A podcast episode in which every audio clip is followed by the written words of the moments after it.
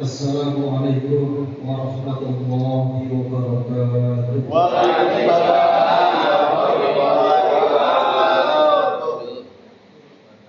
الحمد لله رب العالمين وبه نستعين على أمر الدنيا والدين.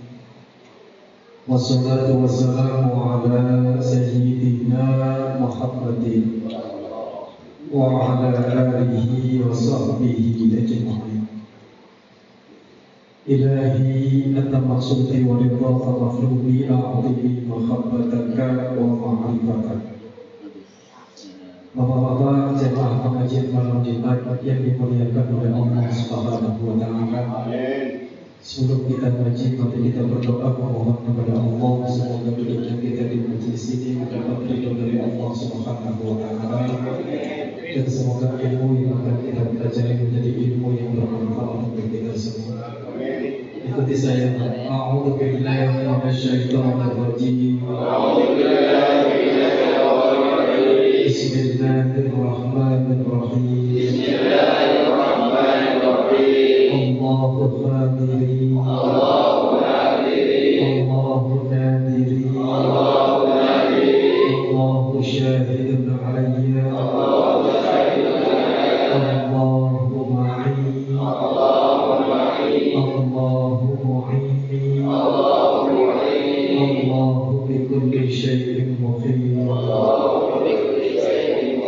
ربي زدني علما نافعا وارزقني فهما واسعا برحمتك يا ارحم الراحمين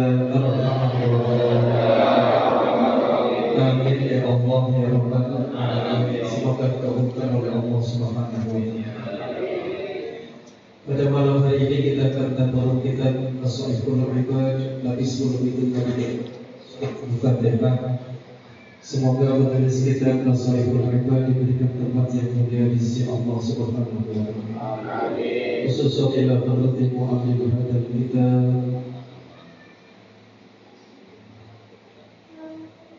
di dalam kitab Al-Quran lahu al-Fatihah.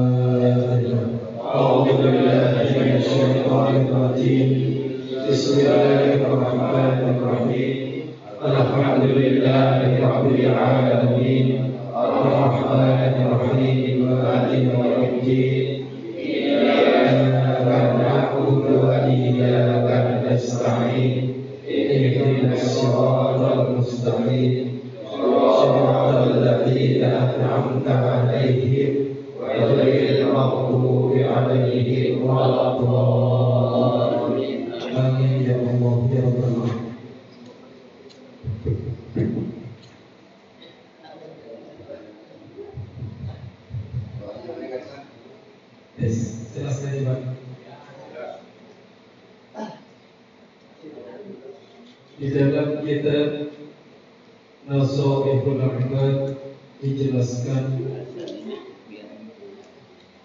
pada suatu hari Sayyidina Ali bin Abi Thalib karramallahu wajhah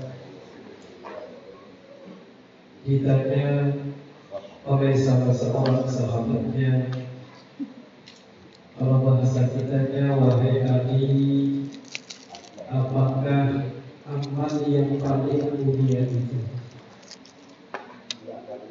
kemudian yang kedua wahai Ali apakah bulan yang paling mulia itu?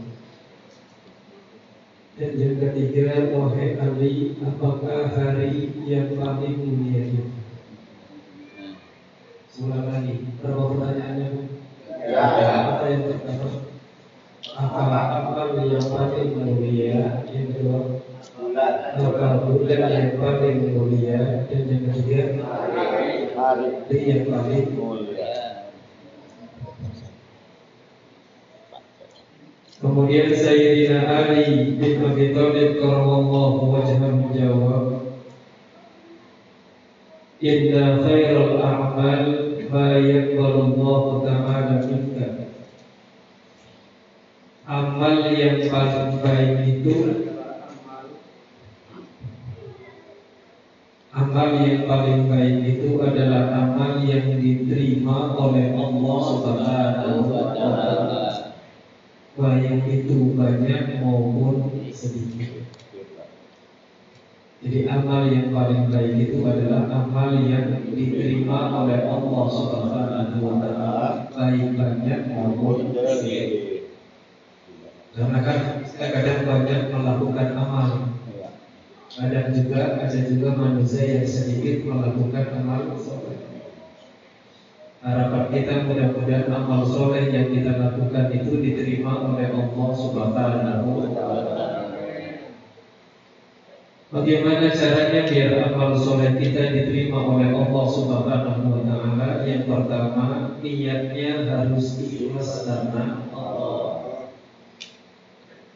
Harus karena mengharap ridho Allah. Bahasa gampangnya ikhlas.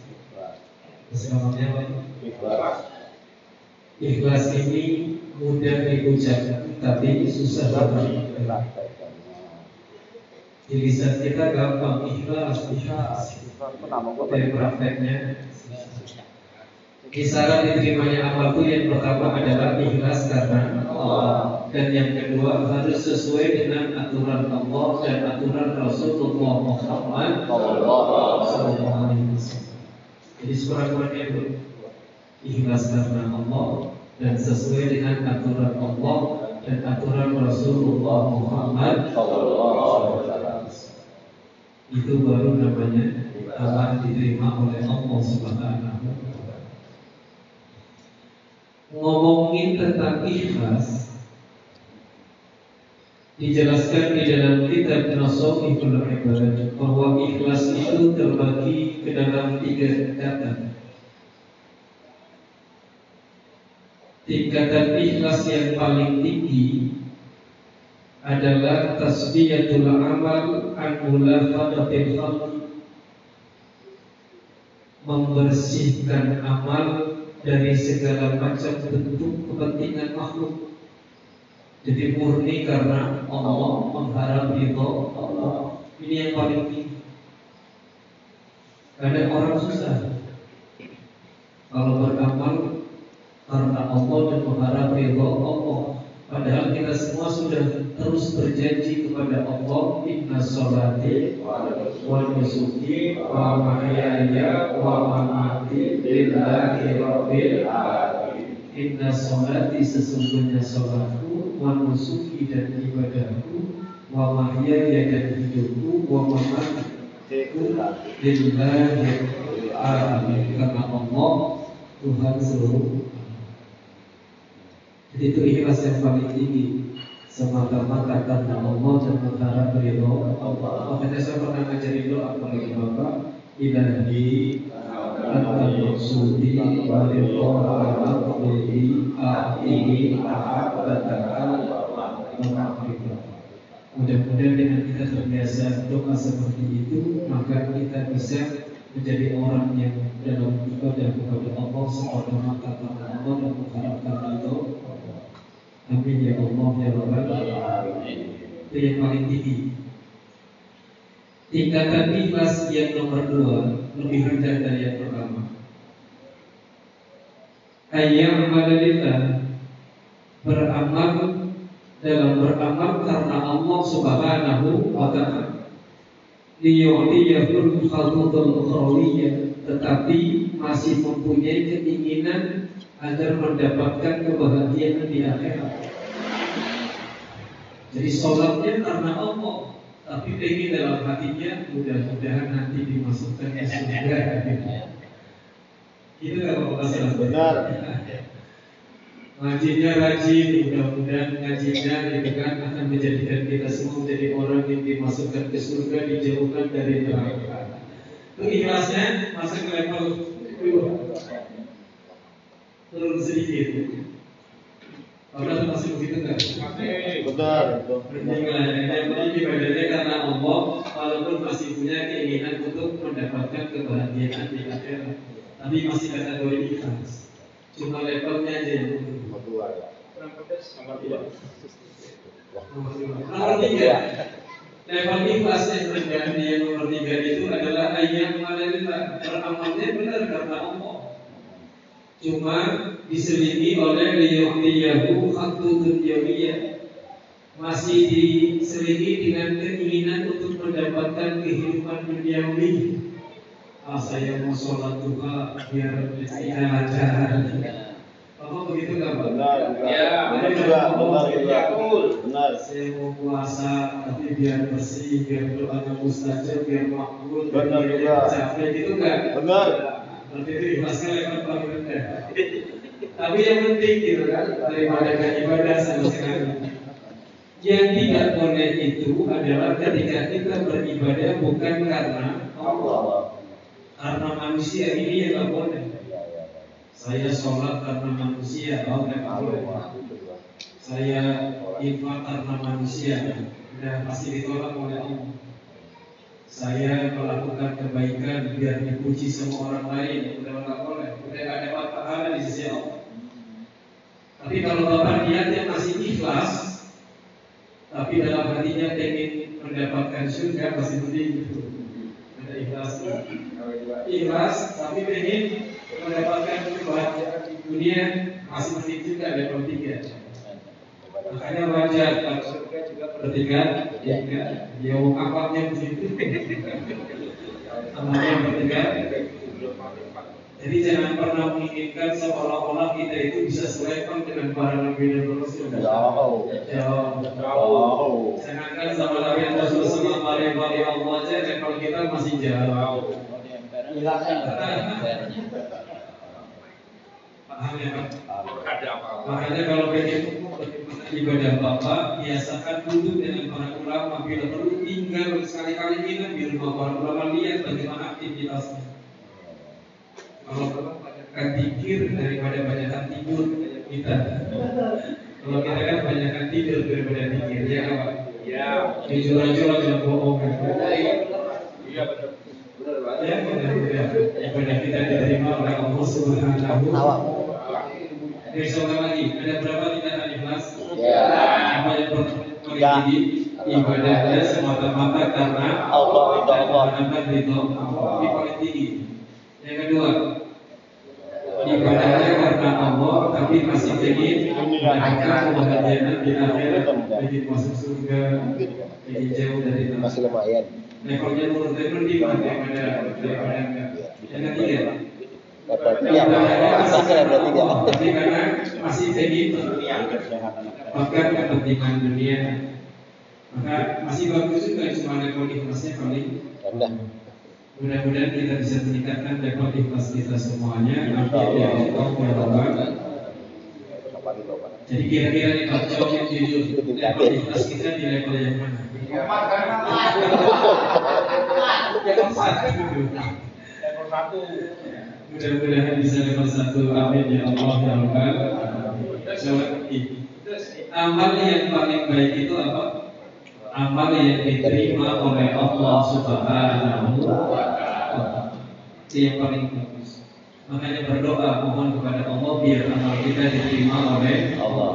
Bagaimana caranya biar diterima oleh Allah? Amalnya satu ikhlas karena Allah dua sesuai dengan aturan Allah dan Rasulullah Muhammad Kemudian yang kedua, ketika ditanya kepada Sayyidina Ali radhiyallahu wajah, bulan yang paling baik itu? Kemudian dijawab oleh Sayyidina Ali wa khairu syuhur ma tatubu bihi ila Allah taubatan. Bulan yang paling bagus itu adalah bulan di mana di dalam bulan itu kamu bertaubat kepada Allah dengan taubatan. Apa itu taubat nasuha? Taubat nasuha itu adalah taubat yang semurni-murninya, taubat yang sebenar-benarnya, taubat yang sesungguh-sungguhnya. Itu namanya taubatan nasuha. Kenapa manusia harus bertobat kepada Allah? Karena manusia itu pasti banyak kesalahan. Makanya namanya al-ihsan. Al-ihsan itu makhluk khata manusia tempatnya salah dan lupa. Kalau nggak salah bukan manusia. Kalau nggak lupa bukan manusia, tapi kalau masih salah dan masih lupa namanya manusia. Cuma kalau jatuh terus di tempat yang sama kebangetan. Contoh misalnya Pak Haji Ali lewat ke sana, di sana ada lubang, keadaannya gelap. Pak Haji Ali kemudian lewat terperosok jatuh ke dalam lubang. Wajar apa enggak? Wajar kenapa? Gelap dan nggak tahu ada lubang. Eh besok lewat situ lagi, di tempat itu lagi jatuh lagi. Kebangetan apa enggak? Besok lagi lewat situ lagi jatuh lagi. Kira-kira gimana orang? Itu mah sudah bukan kebangetan lagi. Paham ya Pak? Nah kebanyakan orang gitu Hari ini gak sholat, besok gak sholat lagi gitu. Besoknya gak sholat lagi, kebangetan nih orangnya Jatuh di tempat yang sama berkali-kali Besok gak ngaji, besoknya gak ngaji lagi, kebangetan nih orangnya Kalau jatuh di tempat yang sama sekali itu biasa lumrah Tapi kalau jatuhnya berkali-kali di tempat yang sama itu kebangetan namanya Gak belajar dari pengalaman Makanya karena manusia banyak salahnya, banyak lupanya, Nabi mengajarkan kepada kita dan Allah memerintahkan kepada kita agar melakukan taubatan nasuha. Taubat yang semurni murninya, taubat yang sebenar. Coba jawab jujur Pak, acuh tangannya siapa di majelis ini yang gak punya dosa? Acuh tangannya. Gak ada. Coba siapa di majelis ini yang dosanya banyak? Langsung ada dosa. Dosanya pasti banyak. Nah pertanyaannya, Bapak sudah melakukan taubat dan nasuha apa belum? Belum. Masalahnya. Kalau istighfar mungkin sering. Gampang ya. Waktu pengalainya innaka anta tawwabul ghafur mungkin sering kita ucapkan. Tapi taubat nasuha bukan hanya istighfar. Nabi Muhammad ketika ditanya oleh salah seorang sahabatnya, "Wa taubatun nasuh ya Rasulullah?" Apa itu sih taubat nasuh ya Rasulullah? Kemudian Rasulullah Muhammad menjawab, "Iyyan kabil mutibu ala dhanbi allati asaba fa ya'tadiru ila Allah thumma la ya'udhu fiha." Taubat nasuh itu syaratnya ada tiga. Orang disebut melakukan taubat dan nasuha kalau tiga syaratnya terpenuhi. Satu, ia kabil mutibu ala dhanbi allati asaba yasabu atas semua dosa yang pernah dilakukannya di masa yang lalu. Nyesel kenapa dulu sering ninggalin sholat Nyesel kenapa dulu nggak pernah mau ngaji? Nyesel kenapa dulu sering berani sama orang tua Sering bertakwa orang tua? Nyesel kenapa dulu sering ribut dengan teman tetangga saudara? Nyesel Pak Ada penyesalan di dalam hati. Setelah nyesel, kemudian syarat yang kedua, bayang anda tiru Allah, segera mohon ampun kepada Allah Subhanahu bisa ngucapin astagfirullahaladzim bisa ngucapin Rabbi firli warhamni wa tub alayya. Bisa juga mengucapkan Rabbi firli wa tub alayya innaka antat tawwabur rahim atau tawwabur rahim terserah. Redaksinya banyak.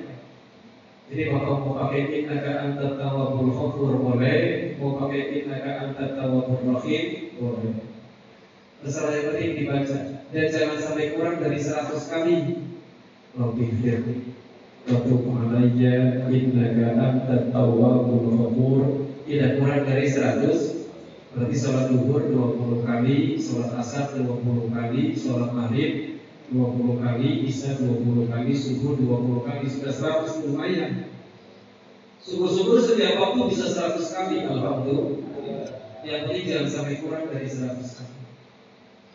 Jadi syarat yang kedua adalah bayang tadiru segera ampun kepada Allah Subhanahu kalau dosanya berhubungan dengan Allah. Kalau dosanya berhubungan dengan sesama manusia, kita dimaafkan.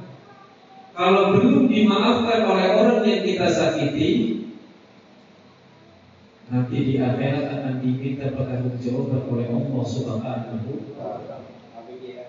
Makanya saya besar sama Bapak gitu dosa yang berhubungan dengan sesama manusia itu lebih susah tobatnya dibandingkan dengan dosa yang berhubungan dengan Allah. Kenapa? Karena manusia punya sifat gengsi, malu. Minta maaf itu malu. Makanya saya pesan jangan sampai melakukan dosa yang berhubungan dengan hakul adami dengan sesama manusia.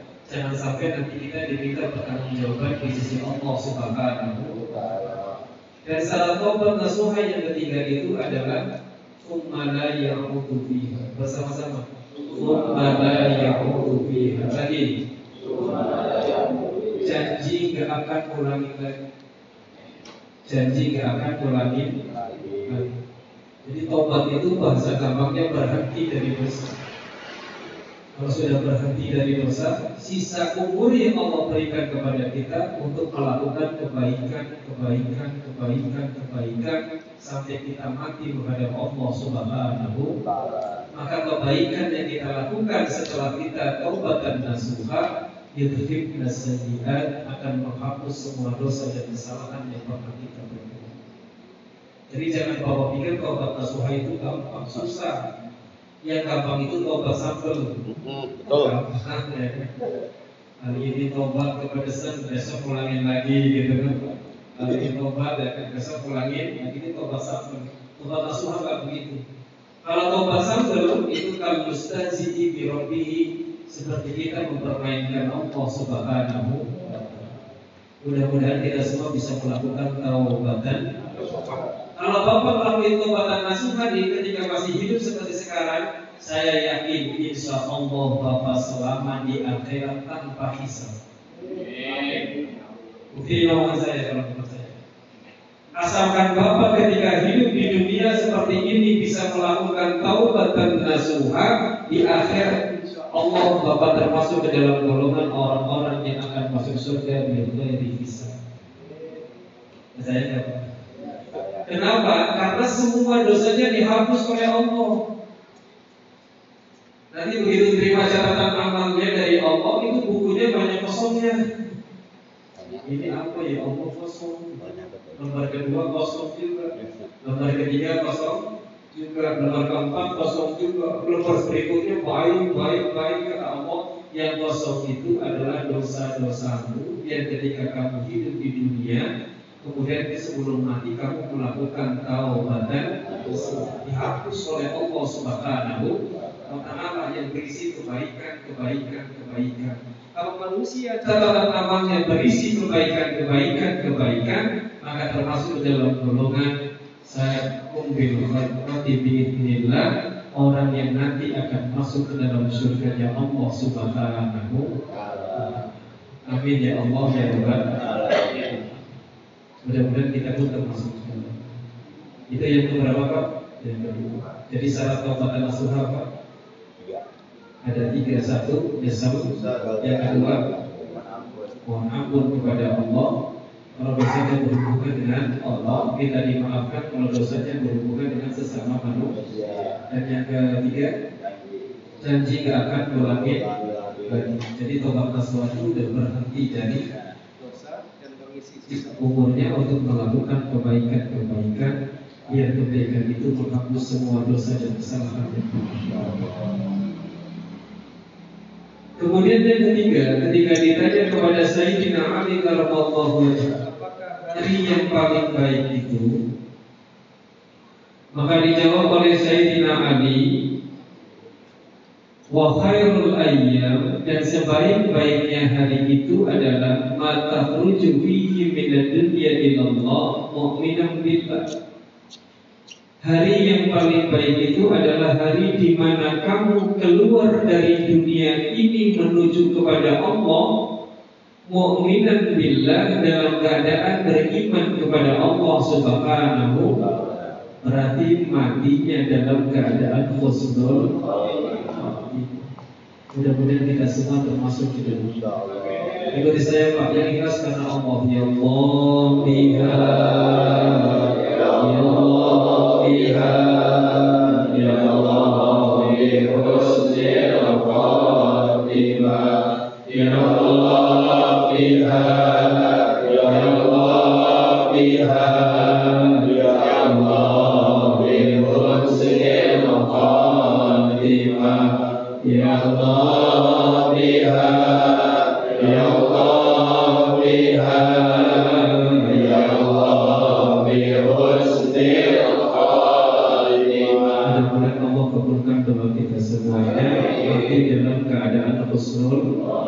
Yakin apa?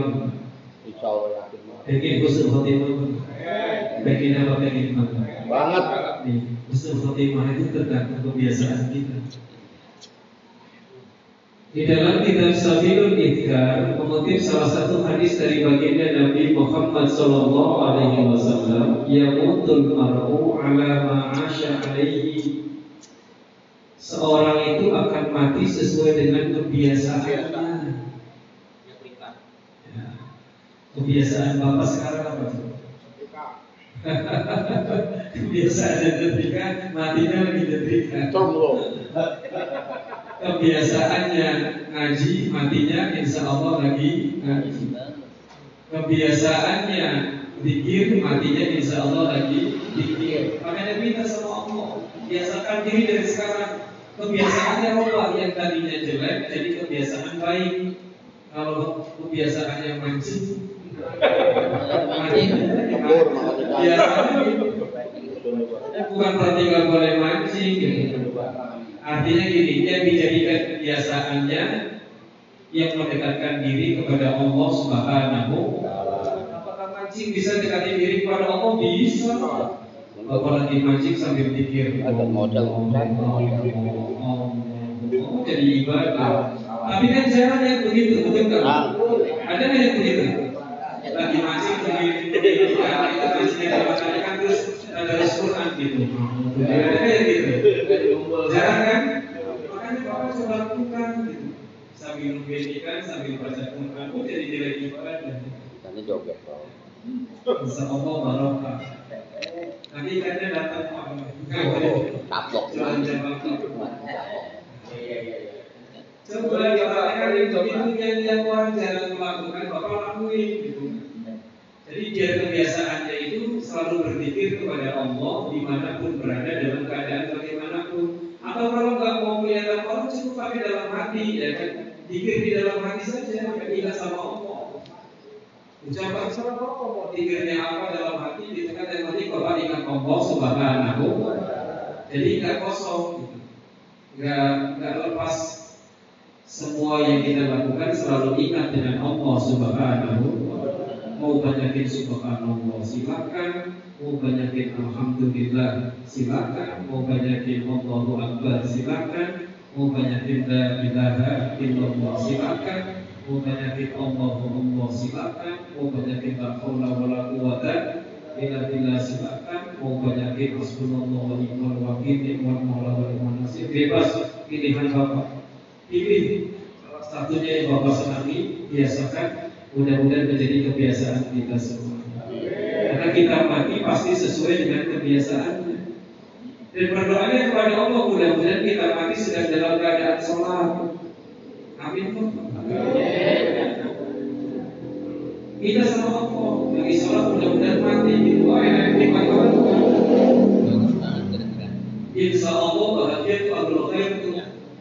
Kenapa? Karena orang itu kalau sudah berdiri sholat, dia niyati usalli fardal maghribi salasa raka'atin mustaqbilal qiblati adaan ma'mum lillahi ta'ala. Allahu akbar. Malaikat ngomong sama Allah.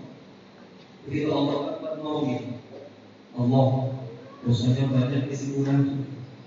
Gimana dosanya? Ambil dosanya. Jadi semua dosanya itu diangkat dari tubuh orang yang sholat. Karena tidak boleh seorang hamba menghadap kepadaku dalam keadaan membawa dosa. Jadi diangkat dosanya oleh Allah. Begitu dia selesai ruku, itikal, sujud, jangan duduk antara dua sujud lagi. Terus sampai selesai rakaatnya sampai Assalamualaikum warahmatullah, Assalamualaikum warahmatullah. Malaikat lapor lagi, dosanya gimana nih Allah? Kata Allah, buang dosanya. Berarti orang yang selesai sholat dosanya diampuni oleh Allah Subhanahu. Hebat apa enggak umat Nabi Muhammad? Hebat, tapi sayangnya banyak umat Nabi Muhammad selesai sholat lakuin dosa lagi. Iya. Ya kan? Bersih kotor lagi, bersih kotor lagi, bersih kotor lagi. Itu dulu. Makanya saya, kenapa tadi saya bilang mudah-mudahan kita mati dalam keadaan sholat Karena kalau lagi sholat dosanya lagi diangkat Dosanya diangkat oleh Allah berarti gak ada dosanya. Insya Allah muslim Karena beruntung kalau Bapak lihat di Youtube di mana ada orang lagi sholat mati nikmat banget. Lagi sujud tiba-tiba tak bangun lagi Nikmat luar biasa. Lagi baca Quran gitu kan di Jawa Timur Tiba-tiba mati. Ada. Karena kalau sudah mati itu ngapain lagi pak? Ajal seseorang itu nggak bisa dimajukan, nggak bisa dimundurkan. Sebab semua kita itu punya ajal. Semua manusia itu punya ajal yang ajal itu artinya batas hidup di dunia. Kalau batas hidup saya di dunia 80 tahun, maka nggak akan bisa lebih atau kurang 79 nggak bisa, 81 juga nggak bisa, 80 pasti balik. Itu namanya ajal. Kalau ajalnya Bapak 60 tahun, ya sudah 60 tahun pasti akan kembali. Dan kita semua pasti akan kembali menghadap Allah Subhanahu wa taala. Gak ada seorang pun yang tahu kapan ajalnya datang, tapi begitu ajal datang gak ada yang bisa majuin, gak ada yang bisa mundurin. Baru pulang kerja ganti baju dulu mati ada nggak? Ada. Kalau ajalnya udah dan bisa betul-betul jangan ngomong gini, ah masih sehat, lagi sehat tiba-tiba mati. Kemarin di kelas dua dalam kerja. Dalam minggu-minggu ini. Kalau ajalnya udah sampai gitu, nggak peduli sehat, nggak peduli sakit, ajalnya tiba, ya mati. Makanya pesan saya, mumpung masih sehat, gunakan untuk taubatan nasuha, mendekatkan diri kepada Allah, banyakin amal soleh, biar kita semua bahagia dunia dan bahagia di akhirat. Dan mudah-mudahan kita semua matinya husnul Dan saya pesan sama Bapak Mulai hari ini banyakin La ilaha illallah. Sekali lagi La ilaha illallah. Mau ikutin saya Sekurang-kurangnya setiap habis sholat tingkatin 165 kali Kan Bapak biasanya cuma 33 kali kan Iya gak sih Pak? Ya. 33 itu level pemula Level apa Pak? Level pemula Belum ya? baru pemula baru mulai. Jadi Nabi mengajarkannya ya kan kalau habis sholat. Ya Allahnya 33 Alhamdulillahnya 33 Allah Akbar 33 tapi bukan berarti 33 itu gak bisa kurang gak bisa lebih. Kalau saya memaknainya sebagai level pemula. Kenapa saya artikan sebagai level pemula? Karena ada ayat dalam Al-Quran surat Al-Anzal ayat 41 di sana dijelaskan ayyuhalladzina amanu Allaha dzikram katsira. Perintahnya dari Allah itu adalah dzikram katsira. Berzikirlah kamu kepada Allah dengan zikir yang sebanyak-banyaknya. Zikir yang sebanyak-banyaknya berarti unlimited, gak ada batasannya. Kalau 33 masih bisa dihitung. Kenapa saya menekankannya? Tingkatkan lagi 165 karena 165 itu ada barokah. Apa Pak? Ada dulu. Bapak kalau mau hitung jumlah huruf la ilaha illallah dihitung dengan menggunakan huruf muqatta'ah maka jumlahnya adalah 165 yang pernah ngaji di pesantren pasti pernah belajar huruf muqatta'ah abjad al-wasfuti kaliman sya'fas wa sakhadallah Alif punya nilai, Ba punya nilai, Jim punya nilai, dan punya nilai sampai dengan selesai semua punya nilai. Dan kitabnya juga, kitabnya kecil ya. Kalau bapak ngaji itu insya Allah bisa. Tapi saya banyak disalahgunakan oleh para dukun. Jadi Allah seperti digunakan buat itu orang Oh kamu nanti kerjanya bagusnya di tempat yang puasa dan di tempat yang kering. Nah, sayangnya begitu pastinya nggak kuat.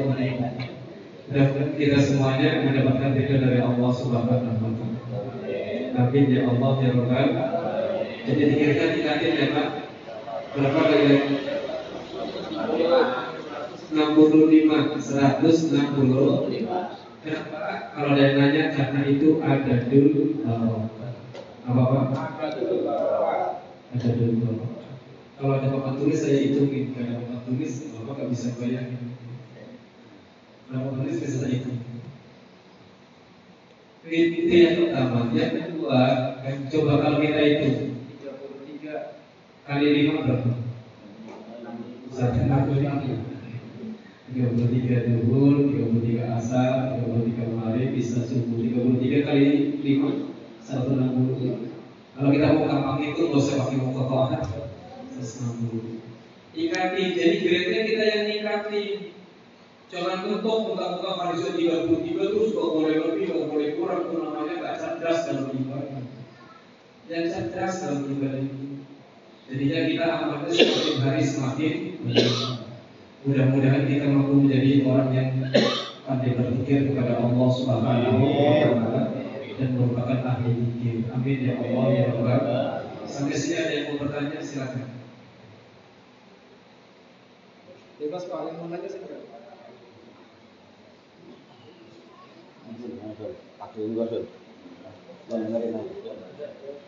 Ayo bebas yang mau nanya.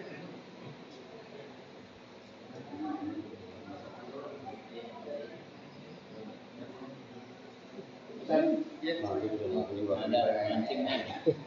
Tadi kan Pak Ustaz bilang umur kita Subhanahu wa taala. Tapi kadang ada yang berdoa, ya Allah panjangkanlah umur kami. Itu, itu menurut saya gimana Pak? Iya. Iya. Mo- Mohon mohon keterangannya Pak. Iya. Panjang umur itu maknanya dua. Begitu kepada Allahumma tawwil umurana wa safi azadana wa safi imanana wa azadana wa nawwir qulubana. Allahumma tawwil umurana ya Allah panjangkan umurku. Itu maknanya. Yang pertama makna zahir. Yang kedua makna batin. Yang pertama makna zahir, yang kedua makna Mana tauhid apa artinya? Mudah-mudahan benar-benar kita menjadi orang yang dipanjangkan umurnya oleh Allah. Karena kita nggak tahu batas umur kita sampai berapa, yang tahu hanya Allah Subhanahu wa taala. Makanya doa aja udah, Allahumma qawwil umurana li ta'atillah wa li ta'ati rasulillah. Pertama makna tauhid. Mudah-mudahan dengan kita selalu berdoa kepada Allah panjang umurnya, maka dohir umur kita nanti panjangkan oleh Allah Subhanahu wa taala. Kalau bagi Allah gampang. Dan kita nggak tahu berapa jumlah umur kita. Yang tahu hanya Allah Subhanahu wa taala. Kalau kita minta terus sama Allah, mudah-mudahan dikabulkan oleh Allah, dohirnya dipanjangkan oleh Allah. Yang kedua, tauhid umurana juga bisa berarti makna batin.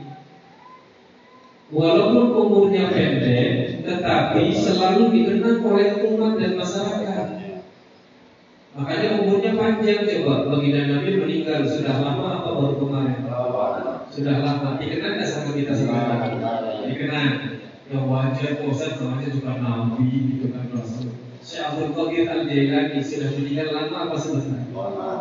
Sampai hari ini masih dikenang apa? Berarti panjang umur namanya. Dohir umurnya pendek tapi hakikat umurnya panjang karena masyarakat terus mendoakannya mengenangnya, mengingatnya, mengambil pelajaran-pelajarannya itulah hakikat panjang umur secara maknawi, secara batin. Makanya mohon kepada Allah mudah-mudahan ketika kita doa Allahumma tawwil umurana benar-benar umur kita dipanjangkan oleh Allah dohir. Bukan ya nggak usah panjang-panjang, bapak panjang-panjang juga nggak enak gitu. Saya udah lihat masalah orang kita dengan panjang umur juga kasihan juga gitu. Dibikin umur sampai 90 kasihan gitu. Kalau cuma di kursi roda. Iya nggak sih? Iya. Makanya mudah-mudahan panjang umurnya terus diiringi dengan barokah. Kan ada hadis Nabi, Khairun nas man tala umruhu wa hasuna amaluhu. Sebaik-baik manusia itu yang umurnya panjang dan amalnya baik. Hanya mudah-mudahan panjang umur, panjang amalnya juga hebat. Orang kita rata-rata 60 tahun aja asal urat sudah. Iya kan? Jalan udah mulai semuanya asal urat sudah mulai nempel. Kebanyakannya, kebanyakannya ya. Makanya dia sedang-sedang saja lah. Ayah baginda Nabi 63 tahun saja kan, tidak terlalu tua. udah. Kalau kita kan kadang begini, ah mudah-mudahan umurnya panjang sampai tua gitu. Padahal dengan bapak kita ya senang-senang ini pas sebenarnya Pak. Yang penting umurnya bermanfaat. Berkah buat bapak, berkah Pak, artinya ziyadatul khair. Jadi umurnya itu benar-benar mendatangkan kebaikan. Coba bapak pejamkan mata sekarang, kemudian perhatikan hari ini tadi lebih banyak mana amal yang kita kerjakan, amal soleh atau amal salah. Atau lebih banyak mana? Lebih banyak lahuknya, lalainya, atau lebih banyak baca Qurannya? Ayo, setiap hari ini Pak.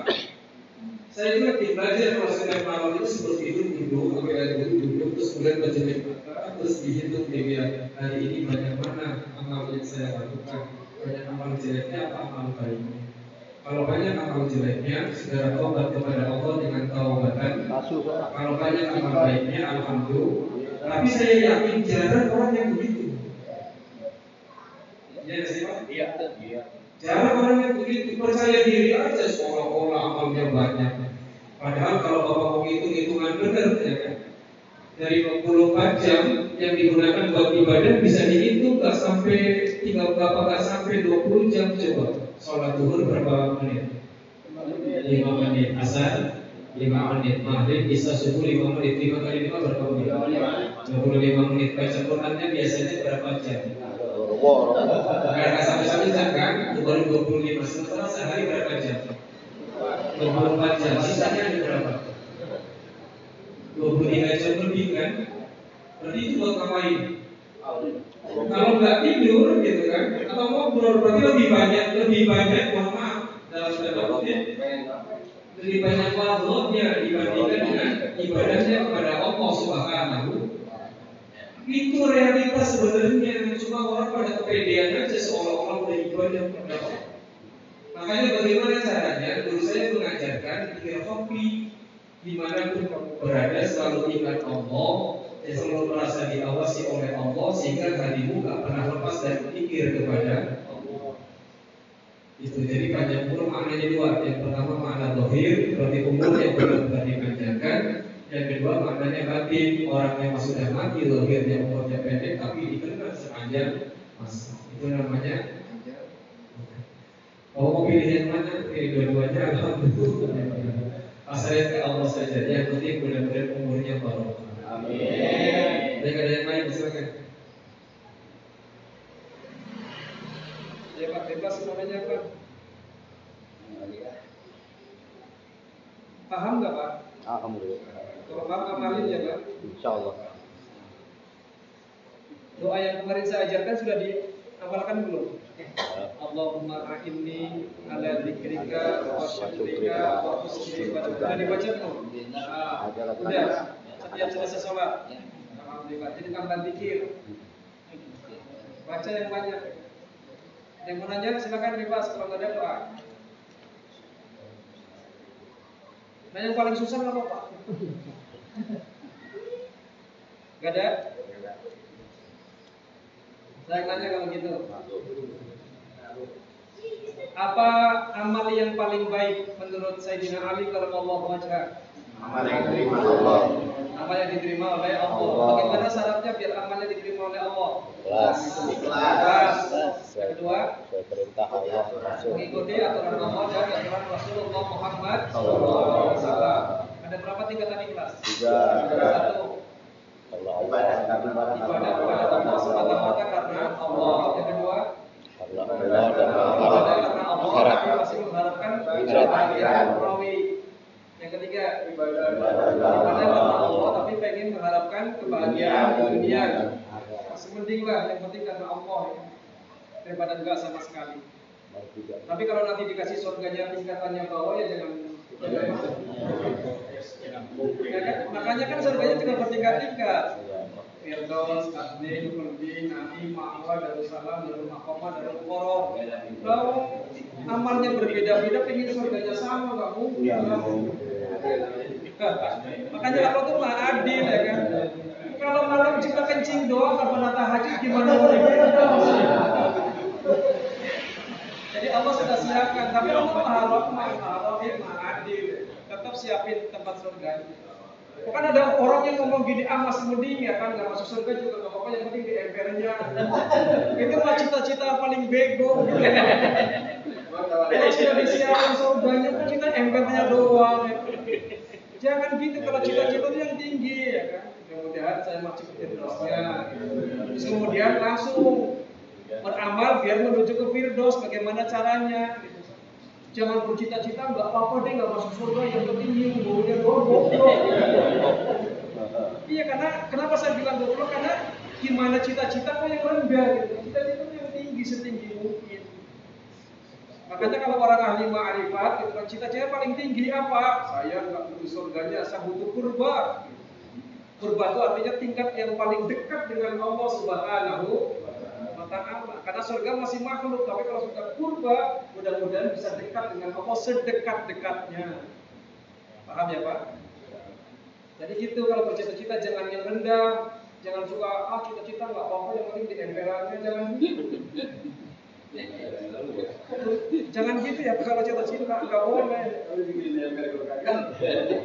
Jadi bapak bisa menggali ya. karena gini loh. Kenikmatannya itu berbeda-beda. Losmen, hotel bintang 1, bintang 2, bintang 3, bintang 4, bintang 5 itu fasilitasnya beda. Jangan dianggap sama gitu kan. Apalagi yang sudah VIP, very important person, ya kan? sudah berbeda lagi. Jadi kalau cita-cita tuh yang benar-benar hebat gitu kan, masuk hotel aja pengen yang very important person, VIP gitu kan, masuk rumah sakit juga pengen yang VIP, ya kan? Masa surga pengen di pelataran? Enggak saya kadang suka aneh kalau ada orang ngomong begitu, ya kan, apa apa yang penting di pelatarannya ya. Putus asa ya. Semua orang malas gitu. Jangan gitu Pak. Semangat dari sekarang. Jadi Bapak gini, saya pengen masuk Firdaus. Bagaimana caranya? Amal solehnya kerjakan. Sebanyak-banyaknya gitu kan. Yang penting sudah yakin, ikutin aturan Allah, ikutin Rasulullah, kemudian apa yang Allah perintahkan jalankan, udah semangat. Perkara nanti dinilai oleh Allah, oh kamu cukup sampai di kolom, ya biarin aja. Penting kita sudah semangat. Sesuai dengan apa yang kita lakukan itu. Ustaz, bukankah surga bukan karena amal soleh? Iya, bukan karena amal soleh. Surga itu karena rahmat Allah, tapi rahmat Allah itu salah satunya adalah karena amal soleh. Iya. Paham nggak Pak? Surga itu karena rahmat Allah, betul. Tapi rahmat Allah itu terjadi karena adanya amal soleh. Bagaimana mungkin ujung-ujung dapat rahmat amal solehnya kagak? Nih gak usah jauh-jauh, gak usah jauh-jauh mikirin Allah. Misalnya kita pakai gampang aja, saya bos besar misalnya ya Pak. Amin kan Pak? Amin. Ini perusahaan gede, ya kan? Kemudian saya punya karyawan banyak. Karyawannya ada yang rajin, ada yang males, ya kan? Iya. Kira-kira saya sebagai bos lebih sayang mana kepada karyawan yang rajin apa yang malas? Yang rajin lah. Nah, kan Otomatis rahmatnya saya, kasih sayangnya saya akan lebih tertuju kepada yang rajin. Yang diperintahkan oleh saya dijalankan. Tupoksinya jelas, tugas pokok fungsinya jelas. Ini menjalankan dengan baik. Maka saya sayang sama orang itu. Kenapa? Karena dia patuh. Berarti rahmatnya dia dapatkan dari saya nih. Yang satunya malas, kira-kira saya jaga apa enggak? Iya. Saya disuruh kerja, tupoksinya jelas, bukan kerja malah males-malesan. Ya. Pertanyaannya, rahmatnya ada apa enggak? Ada. Ada, tapi enggak sebanyak Iya. dengan orang yang rajin. Makanya kalau memahami hadis surga itu didapatkan karena rahmat betul, tetapi rahmat tidak akan turun ya kan? Kalau misalkan kita jadi orang yang malas-malasan ibadah, makanya biar rahmatnya turun, bagaimana caranya? Ibadahnya yang rajin. Kalau ibadahnya rajin, otomatis saya diberikan semuanya oleh saya sebagai bos kepada karyawan saya yang rajin bahkan mendapatkan bonus. Karena mereka luar biasa. Itu bahasa gampangnya Pak. Kemarin 13. Bahasa gampangnya. Bukan berarti kemudian menyamakan Allah dengan manusia enggak. Ini mah lagi biar gampang berpikir gitu. Bahwa kasih sayang itu akan muncul kalau orang itu melakukan sesuai dengan yang kita Perintahkan. Tapi begitu orang itu nggak melakukan apa yang kita perintahkan, kita juga sewot. Yang ada di punishment ya kan, kasih hukuman, siksa. Bahasa gampangnya gitu. Pernyataan ya. Makanya Penting lu. Surga dan neraka itu real ada, ada. Jangan sampai bilang nggak ada. Ada. Yang real nanti begitu bapak mati baru akan mendapatkan DP-nya gitu kan. Al-qabru imma rawdatun min riyadil jannah wa imma qubratun min ubarin nira. Kubur itu bisa menjadi taman dari taman surga, bisa menjadi lubang dari salah satu lubang neraka. Berarti orang yang ahli maksiat nggak pernah tobat, kuburnya di open pak. Kayak di open, Hmm. dibuka lubangnya satu, berarti panas setiap hari. Bayangin aja. Sementara panasnya api neraka itu udah luar biasa, jangankan apinya, asapnya saja, asapnya saja panasnya udah luar biasa. Api dunia itu asapnya api neraka.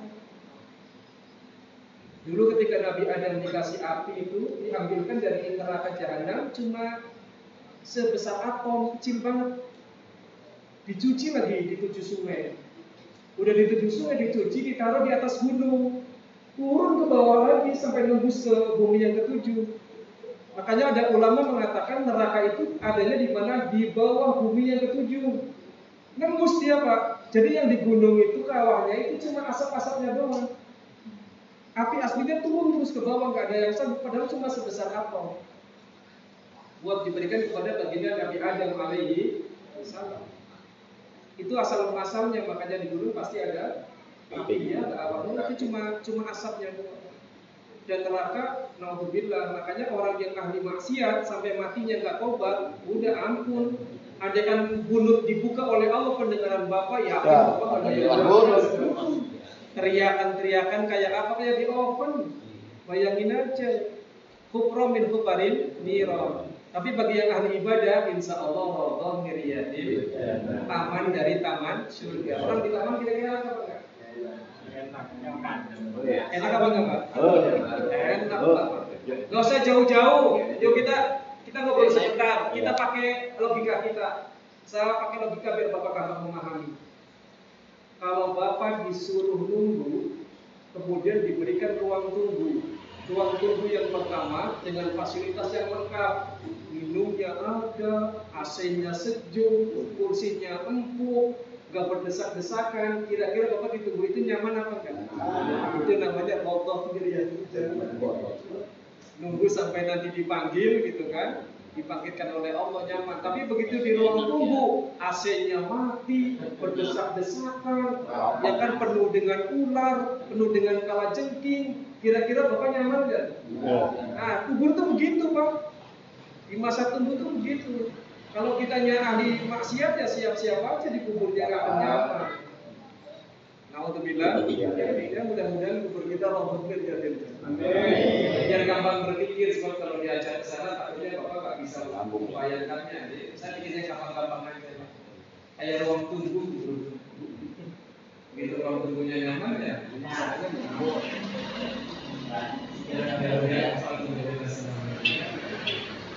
Baik, yang kedua, apakah bulan yang apakah bulan yang paling mulia? Bulan bulan taubat. Di mana kita tobat kepada Allah dengan taubat. Apakah hari yang paling mulia? Hari di mana kita mati kepada Allah dalam keadaan iman kepada Allah. Berarti matinya husnul khatimah. Bagaimana caranya biar husnul khatimah? Biasakan melakukan yang baik. Dan sekarang kalau kemarin biasa nangkring di warung jablek udah tobat kepada Allah. Iya takutnya lagi nangkring mati gitu kan. Kira-kira khatimah husnul khatimah. Kalau masih mau ditanya Tidak baik-baik. Bismillahirrahmanirrahim. Amin.